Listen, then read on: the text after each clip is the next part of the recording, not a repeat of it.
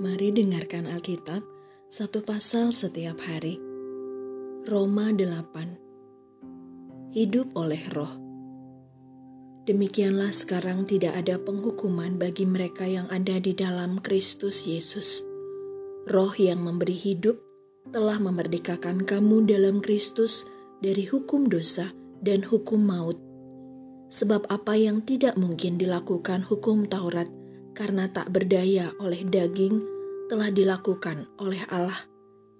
Dengan jalan mengutus anaknya sendiri dalam daging, supaya serupa dengan daging yang dikuasai dosa karena dosa. Ia telah menjatuhkan hukuman atas dosa di dalam daging, supaya tuntutan hukum Taurat digenapi di dalam kita yang tidak hidup menurut daging, tetapi menurut roh sebab mereka yang hidup menurut daging memikirkan hal-hal yang dari daging. Mereka yang hidup menurut roh memikirkan hal-hal yang dari roh. Karena keinginan daging adalah maut, tetapi keinginan roh adalah hidup dan damai sejahtera. Sebab keinginan daging adalah perseteruan terhadap Allah, karena ia tidak takluk kepada hukum Allah hal ini memang tidak mungkin baginya. Mereka yang hidup dalam daging tidak mungkin berkenan kepada Allah. Tetapi kamu tidak hidup dalam daging, melainkan dalam roh, jika memang roh Allah diam di dalam kamu. Tetapi jika orang tidak memiliki roh Kristus, ia bukan milik Kristus.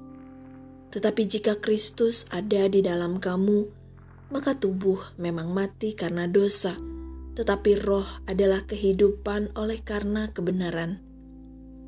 Dan jika roh Dia yang telah membangkitkan Yesus dari antara orang mati diam di dalam kamu, maka Ia yang telah membangkitkan Kristus Yesus dari antara orang mati akan menghidupkan juga tubuhmu yang fana itu oleh rohnya yang diam di dalam kamu. Jadi saudara-saudara, kita adalah orang berhutang, tetapi bukan kepada daging, supaya hidup menurut daging. Sebab jika kamu hidup menurut daging, kamu akan mati. Tetapi jika oleh roh kamu mematikan perbuatan-perbuatan tubuhmu, kamu akan hidup. Semua orang yang dipimpin roh Allah adalah anak Allah sebab kamu tidak menerima roh perbudakan yang membuat kamu menjadi takut lagi, tetapi kamu telah menerima roh yang menjadikan kamu anak Allah. Oleh roh itu kita berseru, Ya Aba, Ya Bapa.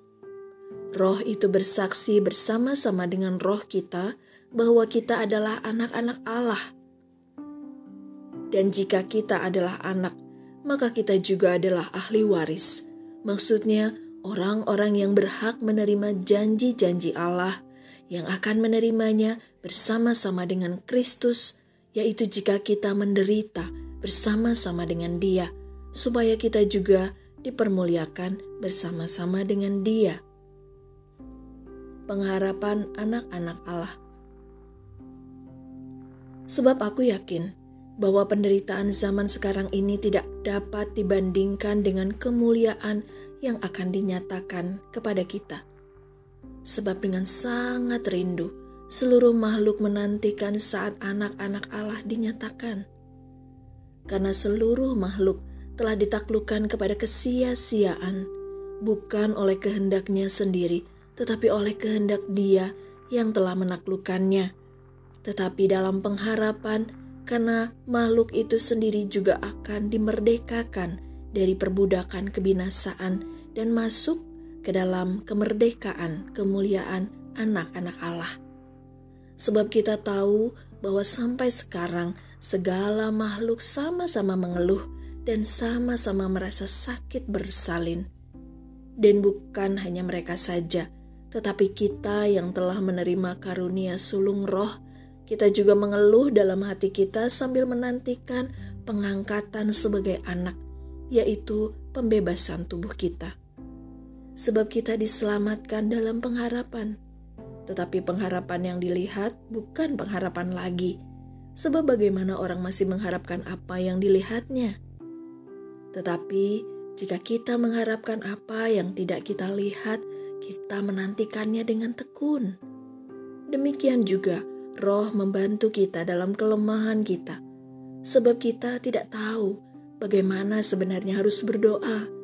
Tetapi roh sendiri berdoa untuk kita kepada Allah dengan keluhan-keluhan yang tidak terucapkan.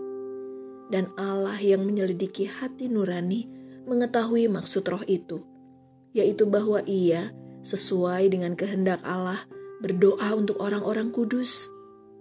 Kita tahu sekarang bahwa Allah turut bekerja dalam segala sesuatu untuk mendatangkan kebaikan bagi mereka yang mengasihi Dia, yaitu bagi mereka yang terpanggil sesuai dengan rencana Allah.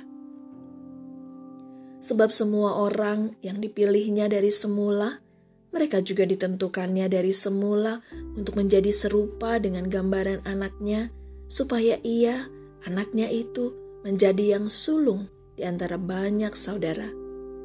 Dan mereka yang ditentukannya dari semula, mereka itu juga dipanggilnya. Dan mereka yang dipanggilnya, mereka itu juga dibenarkannya. Dan mereka yang dibenarkannya, mereka itu juga dimuliakannya keyakinan iman. Sebab itu, apakah yang akan kita katakan tentang semuanya itu? Jika Allah di pihak kita, siapakah yang akan melawan kita? Ia yang tidak menyayangkan anaknya sendiri, tetapi yang menyerahkannya bagi kita semua. Bagaimanakah mungkin ia tidak mengaruniakan segala sesuatu kepada kita bersama-sama dengan Dia? siapakah yang akan menggugat orang-orang pilihan Allah? Allah yang membenarkan mereka. Siapakah yang akan menghukum mereka? Kristus Yesus yang telah mati, bahkan lebih lagi yang telah bangkit, yang juga duduk di sebelah kanan Allah, yang malah menjadi pembela bagi kita. Siapakah yang akan memisahkan kita dari kasih Kristus? Penindasan atau kesesakan? atau penganiayaan, atau kelaparan, atau ketelanjangan, atau bahaya, atau pedang. Seperti ada tertulis, oleh karena engkau kami ada dalam bahaya maut sepanjang hari, kami telah dianggap sebagai domba-domba sembelihan. Tetapi dalam semuanya itu kita lebih daripada orang-orang yang menang oleh dia yang telah mengasihi kita sebab aku yakin bahwa baik maut maupun hidup, baik malaikat-malaikat maupun pemerintah-pemerintah, baik yang ada sekarang maupun yang akan datang, atau kuasa-kuasa, baik yang di atas maupun yang di bawah, ataupun sesuatu makhluk lain, tidak akan dapat memisahkan kita dari kasih Allah yang ada dalam Kristus Yesus, Tuhan kita. Terima kasih sudah mendengarkan. Tuhan Yesus memberkati.